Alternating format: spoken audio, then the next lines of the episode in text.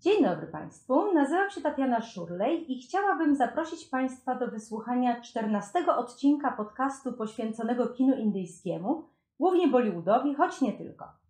Filmem, którym dzisiaj się zajmiemy jest Piasa, jedno z największych dzieł, jakie kiedykolwiek nakręcono w Indiach, a więc kolejna bardzo ważna ekranowa opowieść, którą się powinno znać. Wiem, wiem, za każdym razem omawiam jakiś ważny film, ale Piasa to dzieło, które doceniono nie tylko w Indiach, lecz również za granicą. Film ten bowiem znalazł się na jednej z list 100 najważniejszych filmów e, magazynu Time.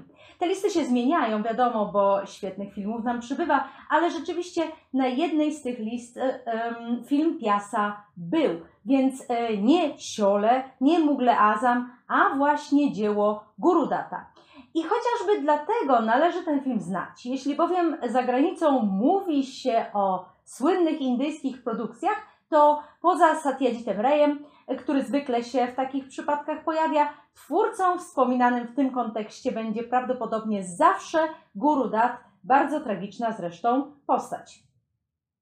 Chciałabym dzisiaj jednak e, skoncentrować się na tym mniej tragicznym okresie życia Gurudata, e, na czasach sprzed filmu Kagaske Phul, czyli papierowe kwiaty, ponieważ papierowym kwiatom, które wyznaczają pewną bardzo wyraźną cezurę w twórczości Gurudata, chciałabym poświęcić osobny odcinek. I wtedy opowiem Państwu o tym właśnie bardzo mrocznym okresie w życiu reżysera, który nastąpił po filmie Kagaskepul i o y, samobójczej śmierci Gurudata. Dzisiaj tylko o tym wspomnę, ale nie będę wchodzić w szczegóły, bo y, w tym odcinku koncentrujemy się na filmie Piasa, który odniósł w Indiach ogromny sukces. Zapraszam.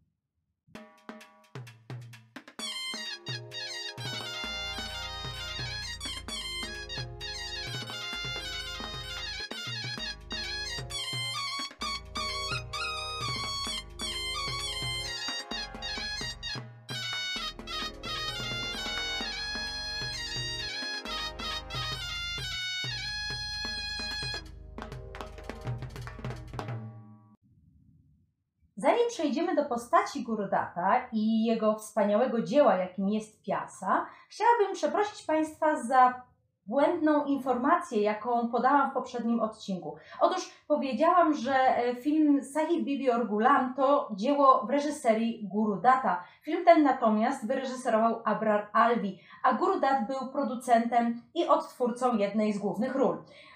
Muszę się jednak też przy okazji wytłumaczyć i e, trochę usprawiedliwić, bo ta pomyłka ma głębsze przyczyny.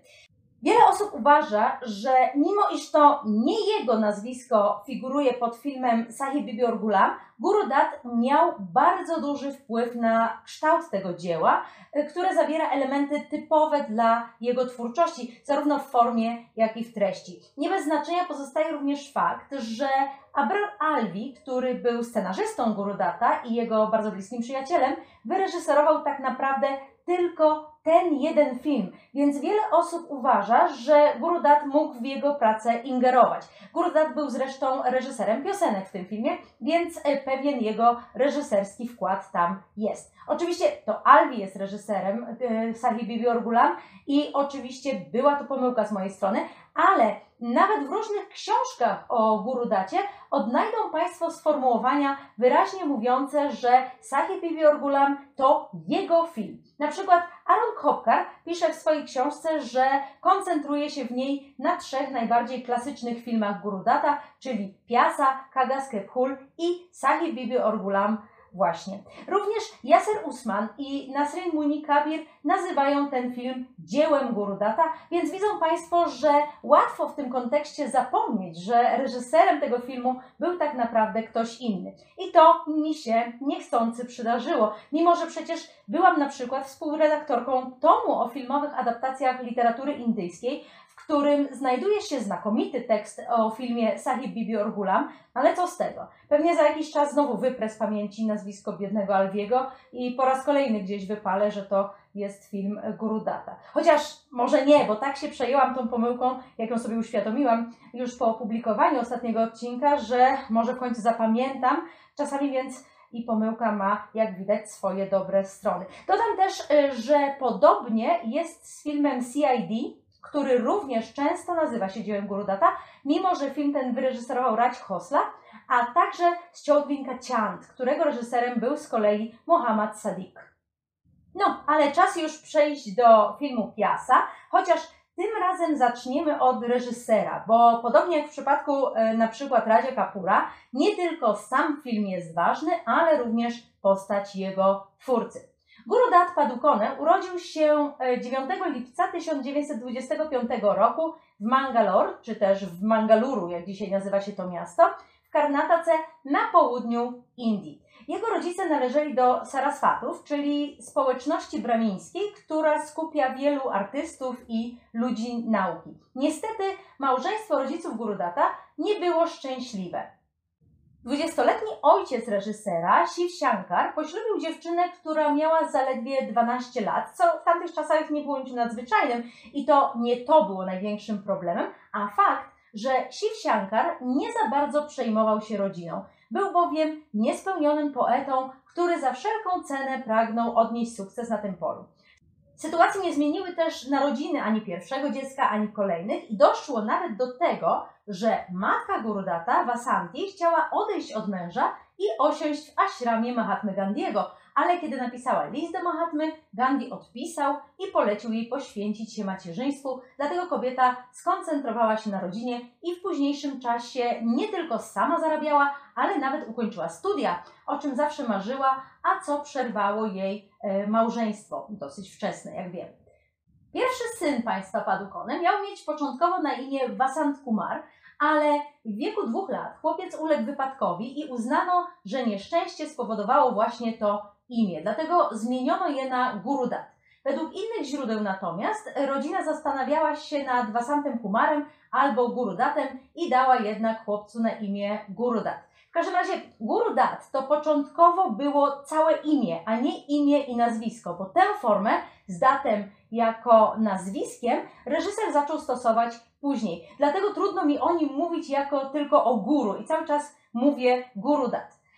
Państwo Padukony mieli sześcioro dzieci, ale drugi z kolei syn, Shashidhar, umarł w wieku zaledwie siedmiu miesięcy. Następny był Atmaram, e, później jedyna córka, Lalita, syn Devi i najmłodszy Vijay. Siostra Gurudata, Lalita, została uznaną malarką, a jej córka, Kalpana Lajmi, reżyserką, e, znaną być może polskim widzom z filmu Cingari, czyli Iskry Miłości. Chociaż e, w opowieści chodzi bardziej o iskrę wzniecającą bunt niż tak naprawdę miłość, ale w większości filmów indyjskich e, dystrybuowanych w Polsce musi się znaleźć słowo miłość w tytule, wiadomo, więc e, zdecydowano się na Iskry Miłości. Niestety tytuł, który mnie osobiście bardzo uwiera, dlatego wolę mówić Cingari, czyli po prostu Iskra. Brat Gurudata, Atmaram, Asystował mu przy kilku filmach, a po śmierci słynnego reżysera nakręcił o nim dokument pod tytułem e, Shraddhanjali. Mimo, że e, stworzył też kilka innych dzieł, nawet tak naprawdę więcej niż jego brat, Admaram nie zdołał jednak zostać tak znanym reżyserem, a większość jego filmów przeszła bez echa. Innym słynnym krewnym Gurudata jest e, Siam Benegal, z którym spotkaliśmy się przy okazji filmu Ankur i wtedy też o tym mówiłam.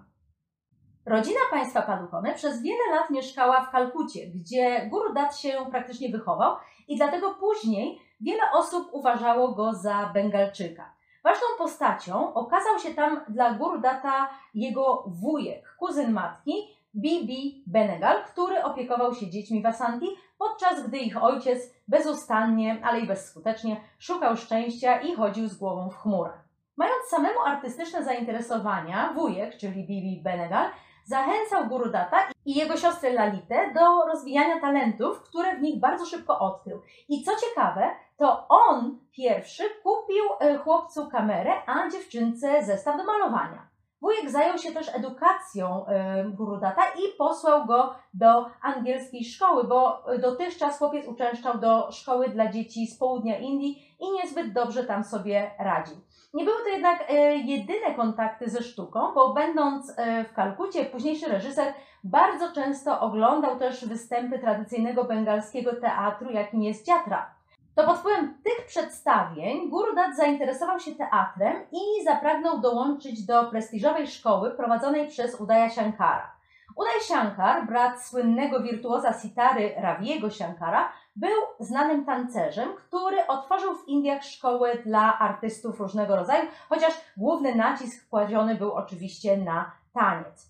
To, co jednak wyróżniało szkołę Udaya Shankara, to fakt, że bardziej niż same zdolności uczniów interesowała go przede wszystkim ich pasja dla sztuki. To dlatego, mimo że Guru Dat nie był szczególnie utalentowanym tancerzem, jego entuzjazm zupełnie wystarczał, żeby mógł w szkole pozostać.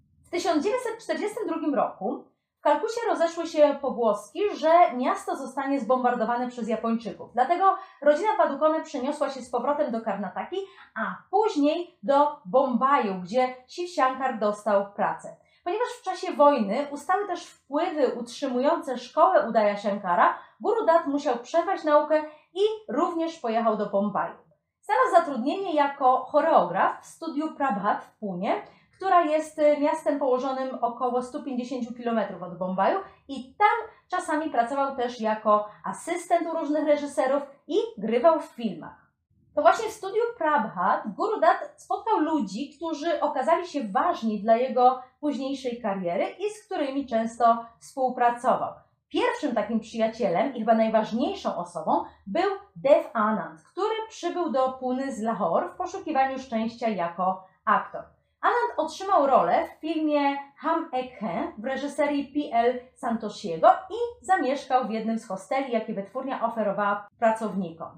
I tam właśnie poznał Gurudata, z czym łączy się zresztą ciekawa anegdotka związana z pomyłką pewnego pracza. Otóż pracz ten któregoś dnia dostarczył Devowi koszulę należącą do kogoś innego. I wkrótce okazało się, że była to koszula Gurudata, który za to otrzymał ubranie Deva Ananda od tego samego roztargnionego pracza. Ale jako człowiek chodzący z głową w chmurach, Gurudat niezbyt się tym przejął, a w każdym razie nie aż tak jak Dev Anand, który po odkryciu pomyłki natychmiast wyruszył na poszukiwanie swojej koszuli. Pomyłka z ubraniem została wyjaśniona, a obaj początkujący i nowi w branży młodzieńcy szybko się zaprzyjaźnili. W tym czasie Gurudat myślał już o karierze reżysera a Dev Anand, jak wiemy, chciał być aktorem. Ustalili więc, że jeśli to Gurudat pierwszy spełni swoje marzenie, zatrudni Deva Ananda w swoim filmie, a jeśli Devowi uda się jako pierwszemu wyprodukować film, zatrudni Gurudata w roli reżysera. Kontrakt w studiu Prabhat skończył się w 1947 roku i Gurudat przez kolejny rok rozpaczliwie poszukiwał pracy. Wyjechał nawet do Madrasu, czyli dzisiejszego Ciennaju, żeby tam spróbować swoich sił w studiu Gemini, ale bez powodzenia. Zaczął też pisać krótkie opowiadania, ale i na tym polu nie osiągnął sukcesu i niczego nie udało mu się opublikować. W tym też mniej więcej czasie Guru Dat rozpoczął pracę nad scenariuszem filmu Piasa, który początkowo nosił tytuł Kaśma Kaś, czyli konflikt.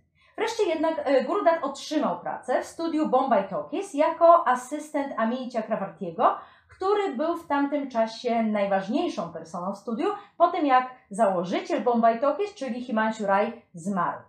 Wkrótce też Guru Dat zaczął asystować przy thrillerze Giana Mukherjeego pod tytułem Sangram i to właśnie Mukherjee bardzo mocno wpłynął na jego pierwsze produkcje, bo Guru Dat, zainspirowany być może filmem Sangram, rozpoczynał e, swoją reżyserską karierę od mrocznych opowieści o zbrodni. Były to czasy na krótko po podziale Indii i utworzeniu Pakistanu, kiedy to wielu filmowców muzułmańskich wyemigrowało do nowego kraju. Do Bombaju z kolei zaczęli w tym czasie napływać Bengalczycy, więc outsider z Karnataki, jakim był Gurdat, postanowił wówczas wykorzystać fakt, że drugi człon jego imienia, czyli Dat, jest w Bengalu typowym nazwiskiem i w ten sposób został po prostu Gurudatem. Wiele osób uznawało go przez to za Bengalczyka, zwłaszcza, że Gurudat świetnie mówił po bengalsku, bo przecież spędził wiele lat w Kalkucie, a sam Bengal i jego kulturowe wpływy bardzo go w późniejszym czasie inspirowały. Na przykład w filmie Piasa, którego akcja rozgrywa się w Kalkucie właśnie i w którym Gurudat wykorzystał e, parę elementów typowych dla kultury bengalskiej, jak na przykład tradycyjny występ śpiewaków e, wykonujących religijne utwory.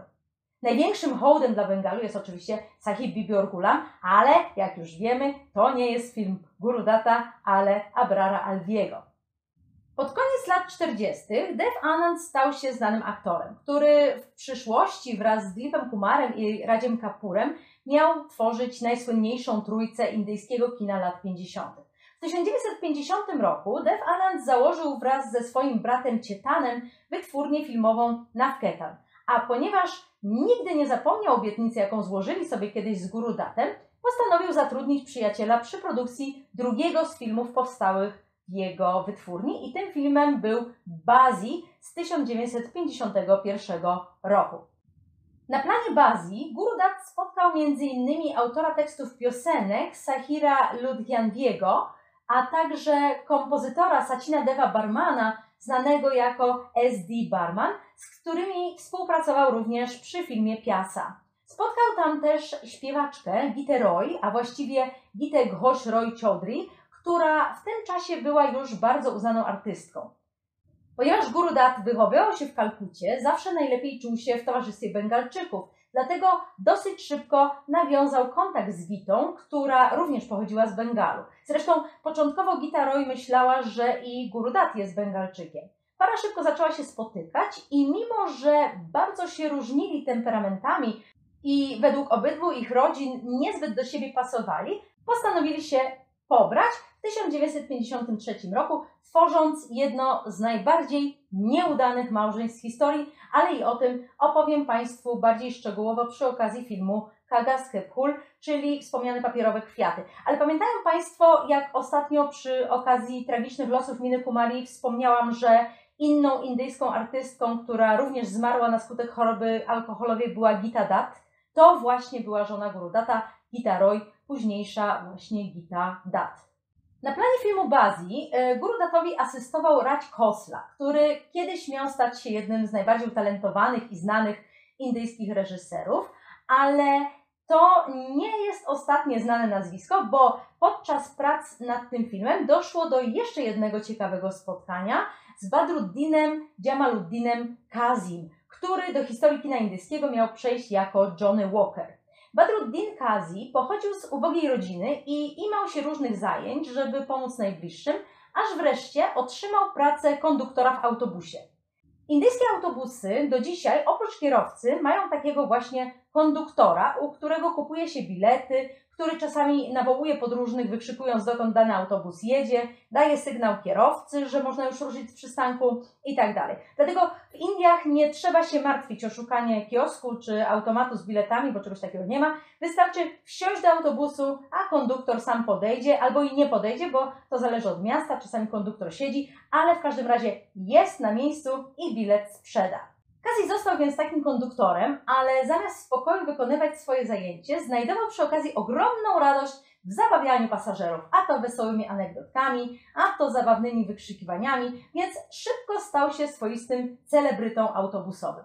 Pewnego dnia autobusem Kaziego jechał Balraj Sahni, e, scenarzysta, który współpracował między innymi przy tworzeniu filmu Bazi.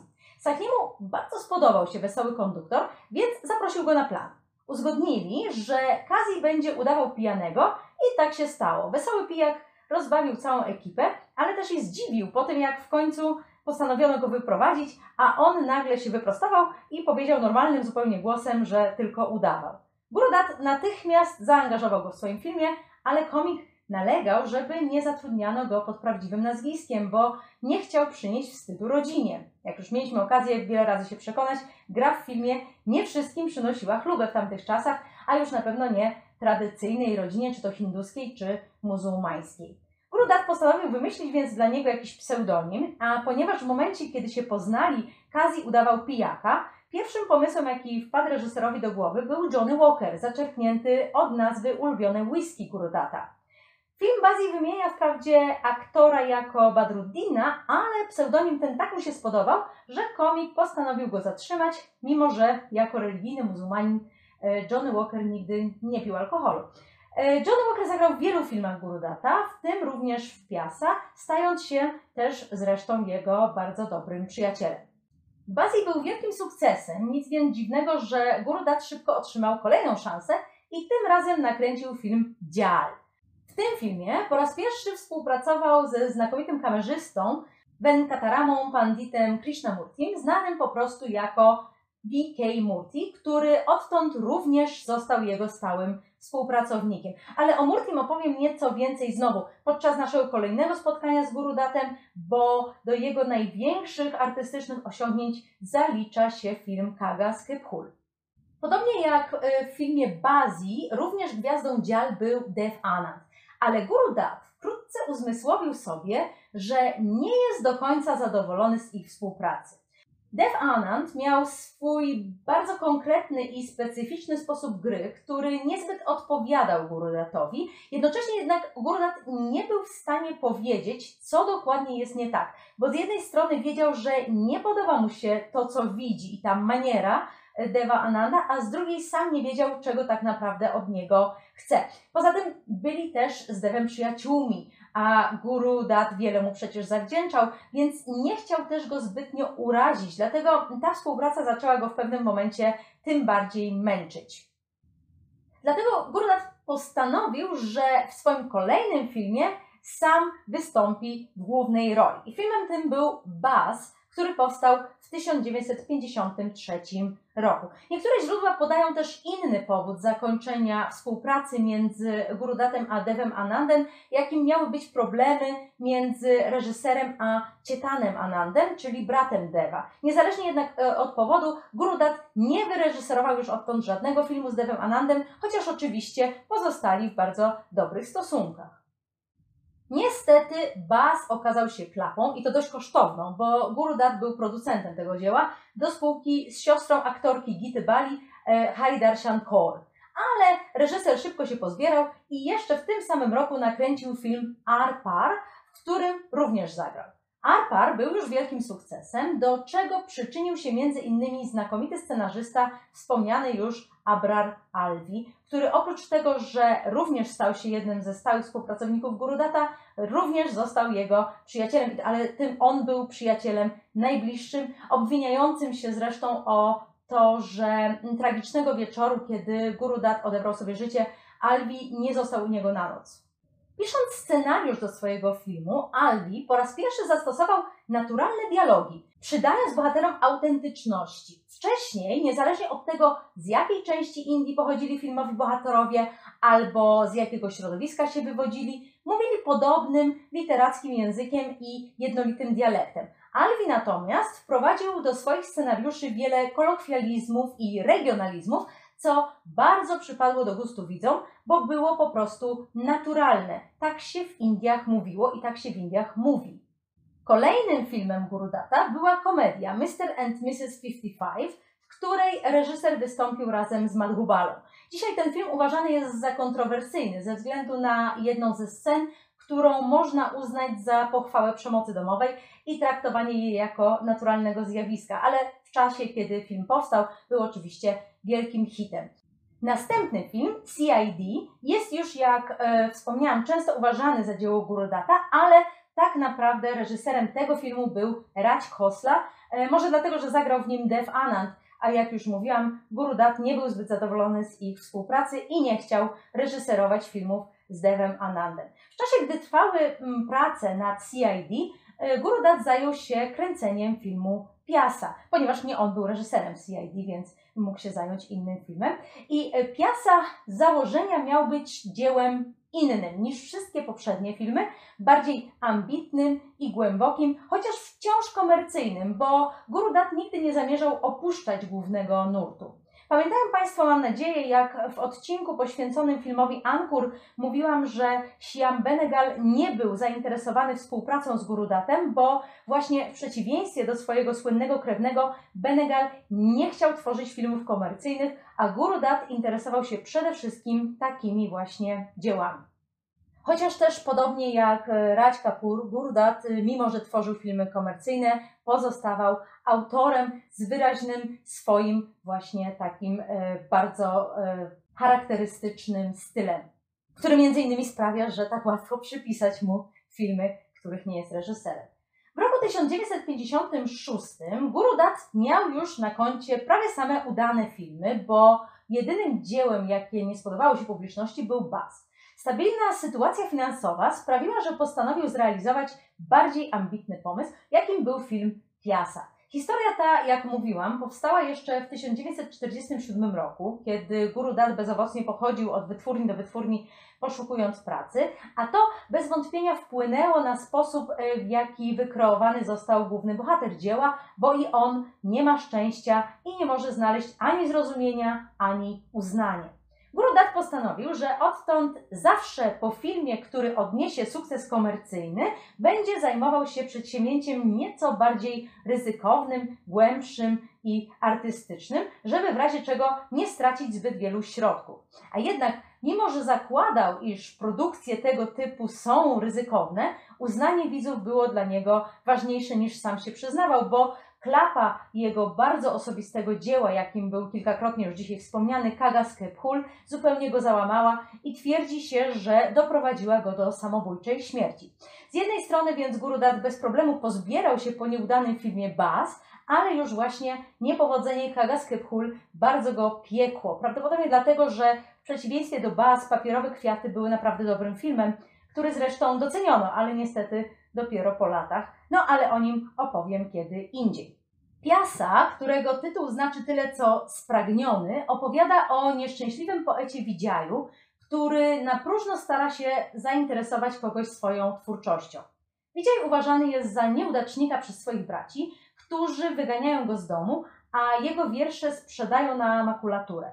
Utwory te nabywa prostytutka Gulab, która jako jedyna potrafi je docenić. Początek filmu przypomina zły, a nawet można powiedzieć taki deliryczny sen, w którym Widziaj błąka się po mieście, poniżany i poniewierany przez innych, e, a e, przypadkowo spotkane osoby przypominają mu o młodości, ale właściwie o, o jej tych najbardziej bolesnych momentach, kiedy jeszcze był człowiekiem pełnym optymizmu, a co później oczywiście się tak mocno zmieniło. I jedną taką osobą, którą Widziaj spotyka, błąkając się po mieście, jest Mina, której kiedyś Widziaj był e, z wzajemnością zakochany, ale która go opuściła. Widziaj spotyka też Gula, za którą podąża, słysząc, że kobieta śpiewa kompozycję opartą na jednym z jego wierszy.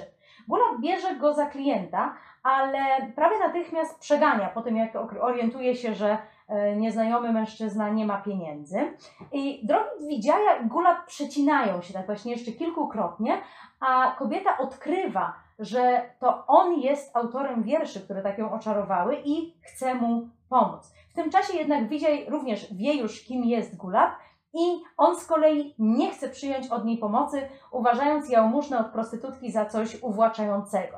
Podobnie jak Gulab, na drodze Widziaja kilkakrotnie pojawia się też wspomniana Mina, która, jak mówiłam, porzuciła go i wyszła za bogatego wydawcę właśnie ze względu na jego majątek, i bezpieczeństwo, jakie tym samym mógł jej zapewnić. Wydawca ten, pan Ghosh, y, w roli którego wystąpił Rahman, kolejny poznany jeszcze w Punie e, aktor, wyczuwa, że jego żonę i dziwacznego poetę coś kiedyś musiało łączyć, więc ofiarowuje Widziajowi pracę, ale tylko po to, żeby go upokorzyć.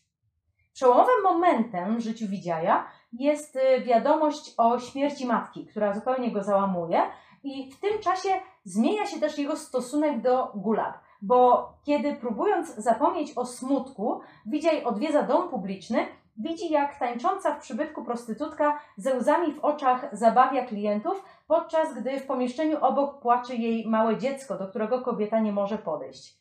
Dostrzegając w losie prostytutek podobieństwo do swojego życia, Widziaj pozwala Gulab zaprowadzić się do jej domu, ale nie może zaznać spokoju i dochodzi do wniosku, że jedynym wyjściem jest dla niego samobójstwo.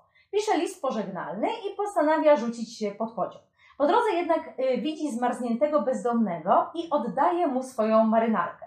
Mężczyzna ten y, idzie za Widziajem i ratuje go spod kół pociągu, ale sam ginie. A ponieważ miał na sobie marynarkę poety, w kieszeni której znajdował się jego list pożegnalny, wszyscy są przekonani, że zmarłym jest Widziaj. Zwłaszcza, że bezdomny mężczyzna został tak mocno poturbowany, że nie można go było rozpoznać. Gula przybywa do wydawnictwa Gosza i oddaje mu całą swoją biżuterię, prosząc, żeby wydał wiersze Widziaja, które stają się wielkim hitem. Widziaj trafia do szpitala, gdzie słyszy, jak pielęgniarka czyta jego utwory, ale kiedy mówi wszystkim, że to on jest ich autorem, zostaje uznany za obłąkanego, bo przecież wszyscy są przekonani, że Widziaj nie żyje. W tym momencie więc film ponownie zaczyna przybierać formę ciężkiego, takiego złego snu, prawie koszmaru.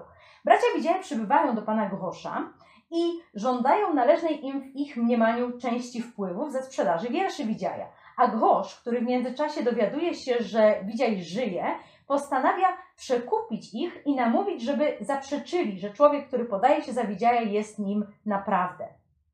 Wydaje się więc, że e, Widziaj nigdy nie wyrwie się z zakładu dla obłąkanych, bo nikt nie chce mu uwierzyć, że naprawdę jest poetą, którym wszyscy się zachwycają. I ratuje go dopiero przyjaciel, wędrujący po mieście wesoły masażysta Abdul Sattar, w rolę którego wcielił się Johnny Walker, a który jako jedyny nie próbuje wykorzystać faktu, że na Widziaju można świetnie zarobić. Widziaj zjawia się na spotkaniu zorganizowanym w rocznicę jego śmierci, ale zgromadzeni tam ludzie nie wierzą mu, że on to on. Wtedy jednak inny wydawca postanawia wykorzystać sytuację i zarobić na nowych wierszach poety, jakie przecież Widziaj może napisać. Dlatego postanawia mu pomóc, y, ponownie przekupując braci i kilku fałszywych przyjaciół, którzy ogłaszają, że to naprawdę jest Widziaj. Zostaje zorganizowane więc nowe spotkanie, na którym Widziaj ma przemówić do uszczęśliwionych fanów, ale kiedy ma dojść do tego przemówienia, bohater ogłasza, że nie jest Widziajem. Przed gniewem rozwścieczonego tłumu ratuje go znowu wierny Abdul Sattar, a Widziaj postanawia odejść z miasta razem z Gulab, po którą przybywa do jej domu.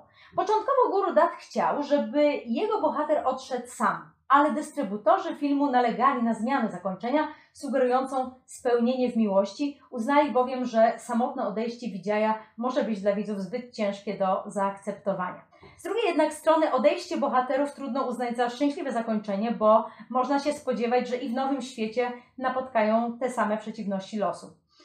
No ale może widzowie wierzyli, że jest to jednak zakończenie szczęśliwe. Również y, współautor scenariusza, czyli Abrar Alvi, miał inny pomysł niż Gurudat, ale on chciał z kolei, żeby poeta pogodził się z losem, a film zakończył się kompromisem, w wyniku którego Widziaj zaakceptuje smutną prawdę na temat świata i tego, że ludzie są przekupni i nieszczerzy i postanowi poddać się e, prądowi i zostać tym słynnym poetą, czego się od niego oczekuje. Brudat jednak nie zgodził się na takie zakończenie, bo było to całkowitej sprzeczności z całą ideą jego opowieści. Twierdzi się, że historia przedstawiona w filmie jest zainspirowana życiem ojca Gurudata, który również, jak pamiętamy, bezowocnie szukał kogoś, kto doceni jego twórczość. Widać w niej też y, zmagania samego reżysera, o czym też już mówiłam, który przez długi czas szukał pracy, a niektórzy dopatrują się w filmie Piasa inspiracji życiem twórcy tekstów filmowych piosenek Sahira Ludhianviego i jego nieudanym związkiem z pisarką i poetką Amritą Pritam. Ponieważ Piasa miał być filmem innym niż poprzednie jego dzieła, Gurudat chciał do roli Widziaja zatrudnić wyjątkowego aktora, więc y, wybrał Dilipa Kumara, uznając, że król tragedii najlepiej odda cierpienie jego bohatera.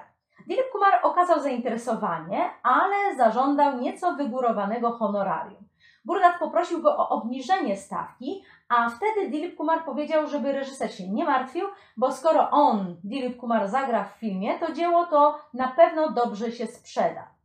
Aktor zaczął przekonywać Gurudata do swoich racji i nawet wymieniać dystrybutorów, którym od ręki będzie można e, film zaprezentować, a wtedy urażony Gurudat powiedział mu, że nie przyszedł do niego, żeby mu sprzedawać swoją historię, tylko żeby zaproponować mu rolę ze względu na jego zdolności, bo sprzedać swój film to on potrafi sam.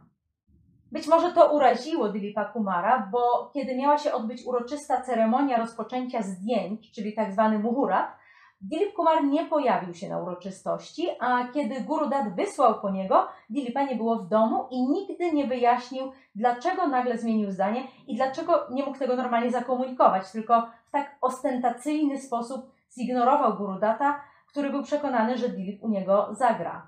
Przyznają Państwo, że było to trochę nieładne zachowanie, bo aktor mógł po prostu otwarcie powiedzieć, że rezygnuje, zamiast postępować w tak pozbawiony szacunku i tak naprawdę dziecinny sposób, ale już nieraz mieli Państwo okazję słyszeć ode mnie, że indyjscy artyści obrażają się o błahostki i potrafią zachowywać się naprawdę nieprofesjonalnie.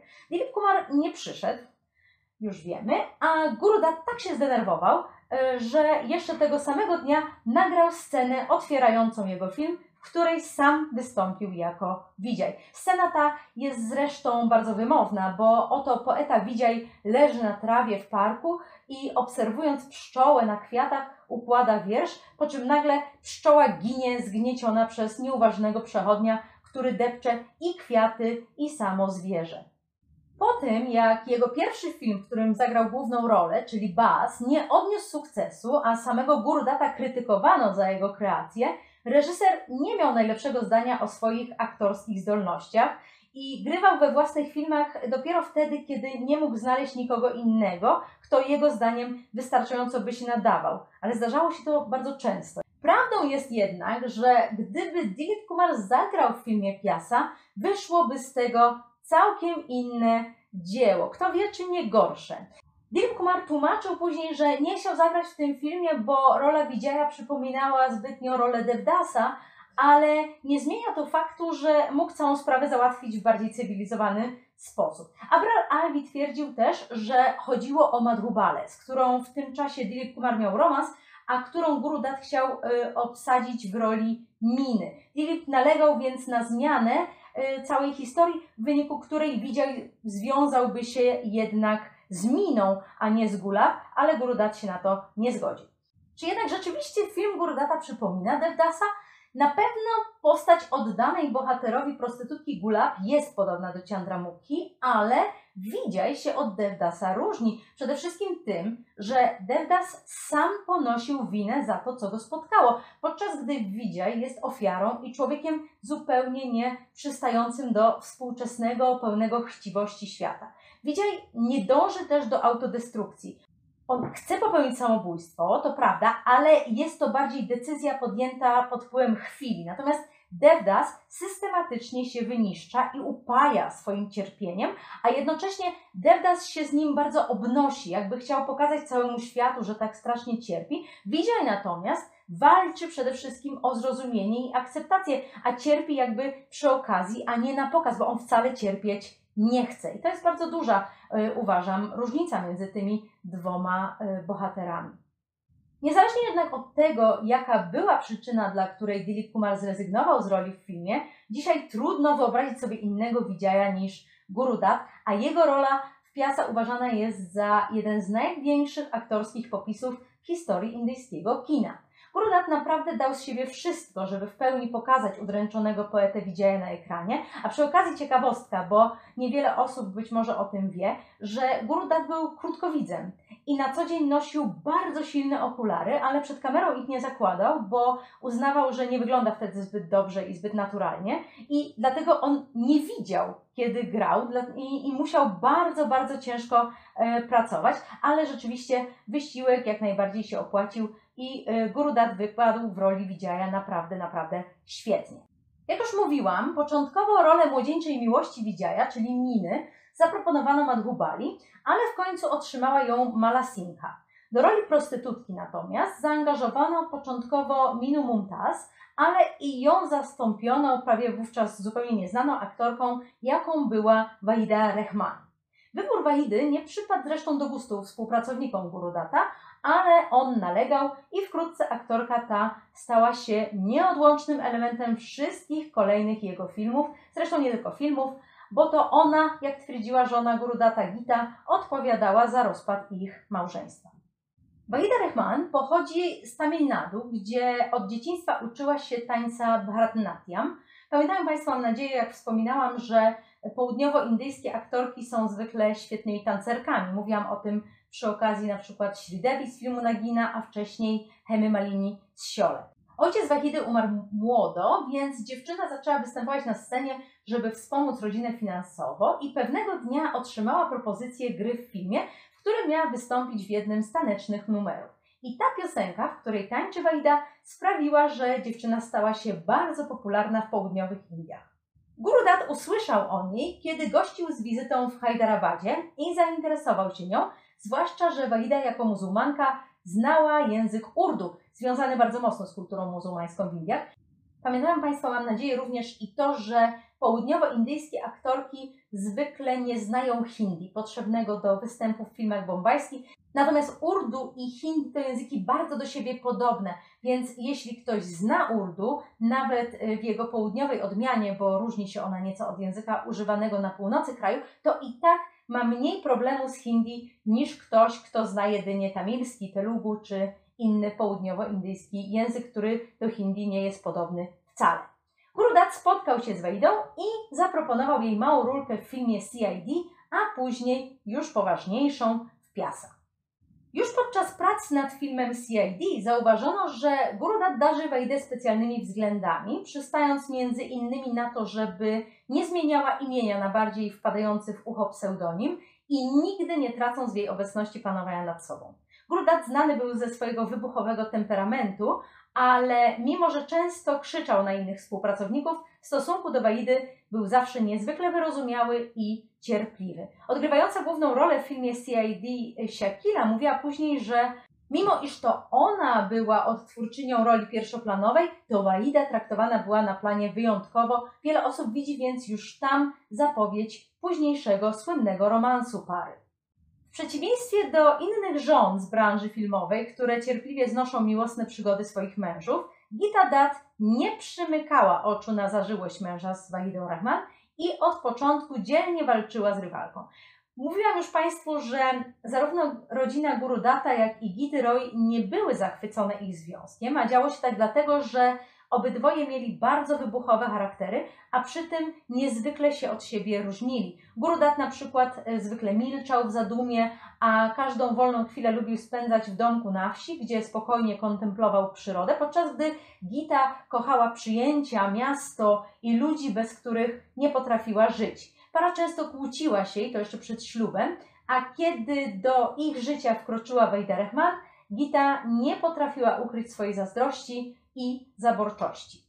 Kiedy Gurdat i Gita brali ślub, to ona była sławniejsza od męża. Krążyły nawet plotki, że Gurdat poślubił ją tylko po to, żeby ugruntować sobie pozycję w filmowym świecie. Jednak wkrótce sytuacja się zmieniła i po wyjściu za mąż, a przede wszystkim po tym, jak na świat przyszedł pierwszy syn Gity i Gurudata, Gita zaczęła stopniowo być usuwana w cień i zastępowana innymi śpiewaczkami. Stało się tak po części ze względu na ogólnie panujący wówczas trend, który nakazywał kobietom kończyć kariery po tym, jak zostawały żonami, ale wpływ na tę zmianę miała też i postawa samego Gurodata, który był dość staroświecki pod tym względem i uważał, że zamężna kobieta nie powinna pracować, bywać na zbyt wielu przyjęciach i pić alkoholu, chociaż od alkoholu nie stronił i on sam. Mówi się nawet z taką gorzką trochę ironią, że zamiłowanie do mocniejszych trunków i do deszczu było jedynym, co łączyło tak naprawdę państwa datów. Ale nie można zwalać winy jedynie na guru data, bo popularność zaczęła w tym czasie zdobywać inna śpiewaczka, Lata Mangeshkar, więc Gita przestałaby się liczyć tak czy inaczej. Lata bowiem prezentowała całkiem inny styl. Z drugiej jednak strony, gdyby nie zniknięcie Gity, być może Asia Brosle nie zrobiłaby takiej kariery, bo to ona e, bardziej, a nie Lata zastąpiła tak naprawdę żonę Gurudata. Gita specjalizowała się zwłaszcza w bardzo zmysłowych piosenkach, charakterystycznych dla wszelkich filmowych wampów. Słodki głos Laty Mangeshkar uznawano natomiast za odpowiedni dla niewinnych głównych bohaterek. W późniejszym czasie natomiast Lata nadal wykonywała piosenki dla uroczych protagonistek, a Asia Bosle zmysłowe utwory filmowych wampów. Więc tak yy, naprawdę popularność Laty wcale nie musiała oznaczać końca kariery Gity.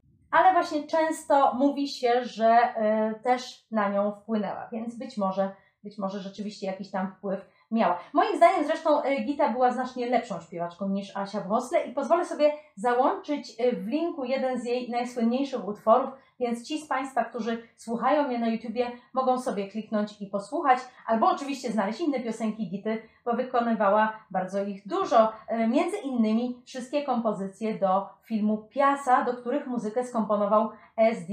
Barman, a słowa napisał Sahir Ludhianvi, o, o tym już chyba mówiłam. W filmie tym wprawdzie większość piosenek śpiewają mężczyźni, przede wszystkim Widziaj, ale i masażysta Abdul Sattar, który wykonuje najsłynniejszy chyba utwór z filmu. I ten utwór też załączam w linku, bo też warto go znać, a już wolę nie ryzykować i, i nie wklejać fragmentów, które mi potem e, YouTube e, zablokuje. Filmie jednak znajduje się też e, na przykład wspomniana piosenka, którą wykonuje Gulab, e, kiedy e, Widziaj za nią podąża i dwie inne, jedna śpiewana przez Widziaja i Minę, a druga przez religijną pieśniarkę, więc oczywiście Gitaroj miała tam też coś do roboty. Pisząc o Piasa, wielu krytyków zwraca uwagę na silne odwołania do Jezusa w postaci Widziaja, którego często widać na ekranie z rozłożonymi prawie jak na krzyżu rękami. Jest to na przykład widoczne w scenie, w której Widziaj usługuje gościom na przyjęciu pana Grosza i nagle zaczyna śpiewać swoją kompozycję, w tragiczny sposób wydając się na żer nieprzychylnych mu słuchaczy, którzy w tym momencie widzą w nim jedynie służącego i w związku z tym nie chcą docenić jego kompozycji. Grudat świetnie oddaje to też zresztą snobizm e, literackiego środowiska, które zupełnie nie zwraca uwagi na wartość przedstawionego im e, wiersza dla, tylko dlatego, że wykonuje go służący, czy też osoba, którą uważają za służącego. Spośród gości zgromadzonych u pana Grosza, oprócz oczywiście Miny, tylko jeden człowiek entuzjastycznie reaguje na kompozycję Widziaja, ale kiedy widzi, że jest w mniejszości, szybko i on się mityguje, po czym tłum rozchodzi się bez słowa, jak gdyby był właśnie świadkiem czegoś wstydliwego. Chrześcijańskie elementy widoczne są też w zmartwychwstaniu Widziaja, a także w scenie, w której pan Gosz dowiaduje się z gazety o rzekomej śmierci bohatera. Kiedy przy śniadaniu o tym czyta, siedząca po drugiej stronie stołu Mina zatopiona jest w lekturze magazynu, na okładce którego znajduje się ukrzyżowany Chrystus. Guru Dat był pracocholikiem i perfekcjonistą, ale perfekcjonistą bardzo trudnym, ponieważ nigdy nie miał sprecyzowanej opinii na temat tego, co chce pokazać w danej scenie. Burdak nie pracował z gotowym scenariuszem i zawsze wprowadzał nagłe zmiany, dlatego bardzo ciężko się z nim współpracowało, zwłaszcza, że często nie był zadowolony z tego, co widzi, ale nie wiedział do końca, co chce osiągnąć i jakie należy wprowadzić ulepszenia. Zachowywał się tak, jakby malował albo pisał pod wpływem natchnienia, a w przypadku filmu, kiedy trzeba kierować całą masą ludzi, którzy muszą wiedzieć, co mają robić, taki model pracy jest niezwykle frustrujący, zarówno dla samego reżysera, jak i dla jego współpracowników, którzy przecież chcą dobrze, ale pozostają w tym wszystkim zagubieni, podczas gdy reżyser się miota, chaotycznie przeskakuje ze sceny do sceny i, i niszczy taśmy. Bo Gurdat marnował ponoć tyle taśmy filmowej, że z materiału, który nakręcił, można było stworzyć dwa, a nawet, jak niektórzy mówią, trzy filmy. Był więc też bardzo kosztownym twórcą. Wejda Rehman wspomina, że Guru zachowywał się na planie tak, jakby już myślał o kolejnej scenie, albo nawet o kolejnym filmie. Jakby jak najszybciej chciał skończyć to, co robi teraz, żeby to, co ma w głowie, mu nie uciekło. Ale oczywiście przy jednoczesnym nacisku na to, żeby obecne dzieło było perfekcyjne, chociaż w jaki sposób perfekcyjne nie wiadomo. Brak zdecydowania i nieumiejętność określenia tego, czego się konkretnie chce, nie odnosiły się zresztą tylko do współpracowników, bo i swoje sceny Gurudat powtarzał często prawie w nieskończoność. Na przykład jedna z finałowych scen filmu, w której Widziaj przeprowadza rozmowę z Miną chwilę po tym, zanim odchodzi, była powtarzana ponoć 104 razy, zanim w końcu zadowoliła reżysera. Wcześniej Gurudat aż tak bardzo nie dbał o każdy najmniejszy szczegół swoich filmów, ale Piasa był, jak już wiemy, dla niego filmem bardzo ważnym, dlatego starał się dopracować to dzieło jak najlepiej się tylko dało. Film ten stał się wręcz obsesją Gurudata, który zaczął też mieć problemy ze snem i niestety próbował je zwalczyć alkoholem i co najgorsze środkami nasennymi, które z tym alkoholem łączył. Jak już wspomniałam, e, Guru Dat w ogóle nie dbał o scenariusz i wydaje się wręcz, że nie uważał go za najważniejszy element filmu, chociaż oczywiście jakiś tam zarys historii był, bo przecież sama mówiłam też, że scenariusz do filmu Piasa powstał jeszcze w 1947 roku.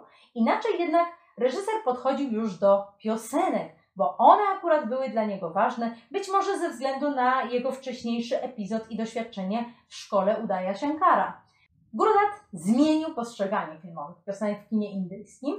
Dotychczas były one często swoistą przerwą i oddechem między kolejnymi scenami filmu, albo też wypełnieniem dziur w słabym scenariuszu. Natomiast u Gurudata piosenki stały się ważnym elementem historii, których nie da się z filmu wyciąć czy przewinąć. Jak już mówiłam, scenarzysta Abrar Alvi wprowadził do filmu bardzo naturalne dialogi, zróżnicowane ze względu na to, skąd wywodzi się dany bohater, i podobnie jest z piosenkami. O ile wcześniej w kinie indyjskim zdarzało się na przykład, że bohater kryminalista mógł nagle zacząć śpiewać romantyczną piosenkę, u Gurudata i utwory muzyczne zaczęły się łączyć z daną postacią i do niej pasować. Co również ważne, piosenki w filmach Gurudata rzadko rozpoczynają się długim muzycznym wstępem, który zwykle zapowiada nadejście takiego utworu. Pojawiają się więc naturalnie, bo tu znowu muszą Państwo pamiętać, że śpiewanie piosenki nie jest w indyjskiej kulturze czymś nienaturalnym. Jeśli mają Państwo indyjskich znajomych, to proszę ich kiedyś poprosić, żeby coś zaśpiewali. To nie jest żaden problem i jestem pewna, że poproszona osoba zawsze to zrobi.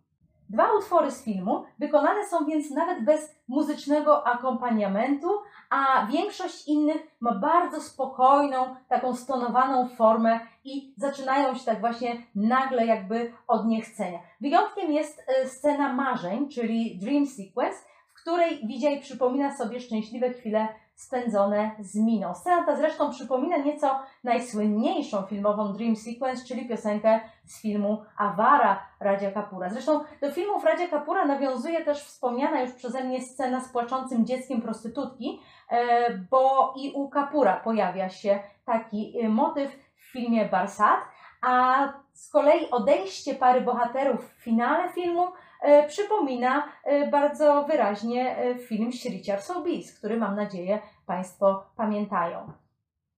Innym typowym dla twórczości Gurudata elementem są bardzo mocne zbliżenia, które również nie występowały wcześniej na taką skalę i które nazwano nawet zbliżeniami Gurudata.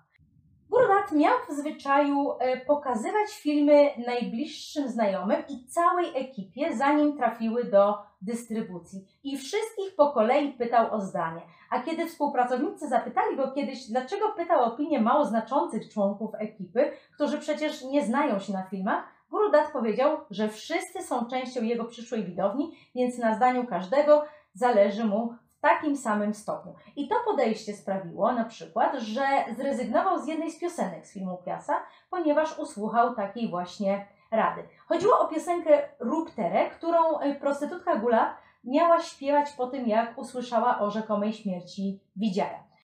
Kiedy jednak Gurdat zaprezentował film swojej widowni, Wahida Rahman stwierdziła, że piosenka nie pasuje.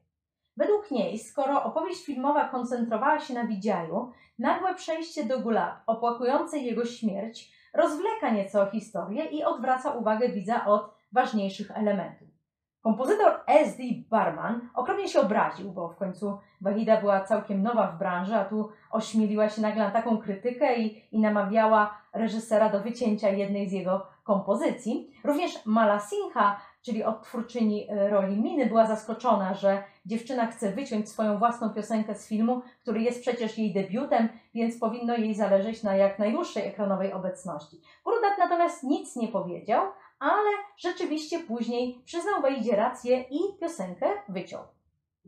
Piasa miał premierę 22 lutego 1957 roku i, o czym już wiemy, okazał się wielkim sukcesem. Co ciekawe, film spodobał się również na południu, w miejscach takich jak Tamil Nadu, gdzie filmy w hindi raczej popularne nie bywały. Mieszkańcy tego regionu utożsamiali jednak poetę Widziaja z pochodzącym z południa Indii poetą Bharati i e, ta historia dlatego ich tak bardzo poruszyła. Gurudat wydawał się bardzo zaskoczony tym sukcesem, bo rzeczywiście Piasa to nie jest typowy indyjski film komercyjny, ale też ciekawe jest, że nikt w tamtym czasie nie spodziewał się tak poważnego filmu po Gurudacie, który dotychczas kręcił thrillery i komedie. A tymczasem dzisiaj reżyser ten utożsamiany jest właśnie z tymi swoimi filmami, które są mroczne i pesymistyczne, a nie z lekkim repertuarem charakterystycznym dla jego twórczości sprzed filmu Piasa. Dziełami, które inspirowały Gurudata, bo i o tym warto wspomnieć, był na pewno Obywatel Kane. Wystarczy przywołać chociażby scenę przy śniadaniu pana Gosza i jego żony, a także filmy niemieckich ekspresjonistów, bo u Gurudata królują na przykład bardzo silne kontrasty światła i cienia, a nawet pewne zniekształcenia postaci pokazanych na ekranie. Z drugiej strony Gurudat był też pod wielkim wpływem e, twórców bengalskich, takich jak P.C. Barua, którego pamiętamy z najstarszej zachowanej adaptacji Derdasa i oczywiście Gyan Mukherjee, któremu zresztą zadedykował swój film Piasa.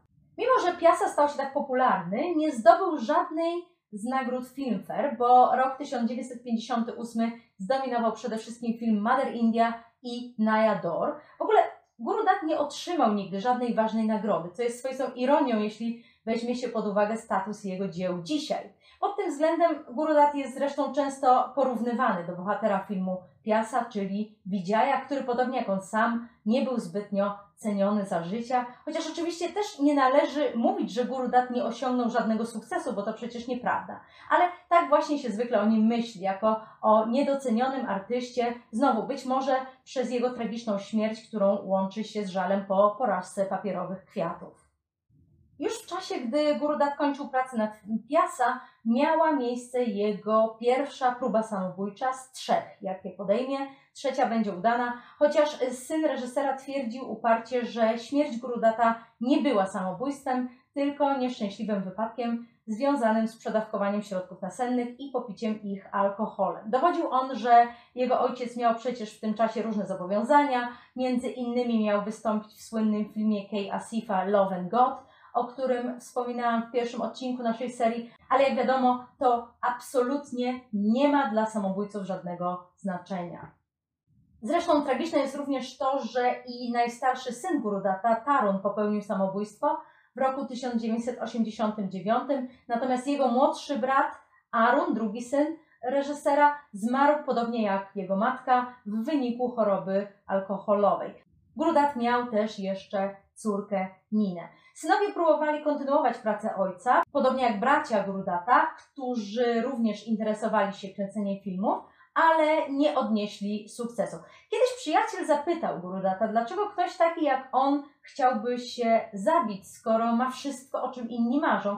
Na co reżyser odpowiedział, że jest rozczarowany samym sobą i nie może odnaleźć spokoju. Dzisiaj e, wierzy się więc, powtórzę, że Gurudat był niezrozumiany przez widzów i że to go załamało, ale tak naprawdę jedynym jego dziełem, poza Baz oczywiście, które się zupełnie nie spodobało, był film Kagasky Phul. Na pewno stanowiło to ogromny cios, zwłaszcza, że był to tak osobisty film, ale Raj Kapoor też na przykład musiał się pogodzić z faktem, że jego najbardziej osobisty i ambitny film, czyli Meranam Joker, zupełnie nie przypadł widzom do gustu, e, ale jakoś, jakoś aż tak go to nie gnębiło, chociaż podobnie jak Raj Kapoor, który po porażce Meranam Joker przestał grywać w swoich filmach, Gurdat po porażce Kagasky Phul przestał reżyserować, e, bądź też, jak niektórzy sądzą, po prostu przestał sygnować dzieła swoim nazwiskiem, bo o tym, że niektóre filmy i tak uważa się za jego dzieła, już dzisiaj mówiłam. Do Grudata jeszcze wrócimy, chociaż nie tak szybko. Dodam tylko, że Piasa został odrestaurowany i zdigitalizowany, ale niektórych fragmentów nie dało się uratować. Dlatego, e, jak się dzisiaj ogląda ten film, to momentami sceny się urywają. Warto też dodać, że w 1975 roku powstał południowoindyjski remake filmu Piasa pod tytułem Male Puwu, a słynna piosenka masażysty Abdullah Sattara wykorzystana została na przykład w znakomitym filmie Deva Benegala Road Movie z 2009 roku. Zachęcam Państwa do obejrzenia filmu Piasa albo któregoś z innych dzieł Gurudata, albo road movie, które osobiście uwielbiam. Można też o Gurudacie e, sporo poczytać, chociaż oczywiście po angielsku, bo napisano o nim kilka książek. Polecam zwłaszcza książkę Yasera Usmana pod tytułem Gurudat An Unfinished Story, czyli Gurudat niedokończona opowieść, ale jest też kilka innych pozycji, których tytuły oczywiście podaję na końcu. Na koniec też tradycyjnie chciałabym jeszcze zapowiedzieć kolejny odcinek, który zostanie poświęcony filmowi Anand. I znowu będzie to dość smutna opowieść, już trzecia z kolei, bo ostatnio mówiłam o tragicznych losach Miny Kumari, dzisiaj o Gurudacie, natomiast następnym razem opowiem m.in. o spektakularnym upadku Radziesia Khanny, na co serdecznie zapraszam, a dzisiaj już dziękuję za uwagę i do usłyszenia.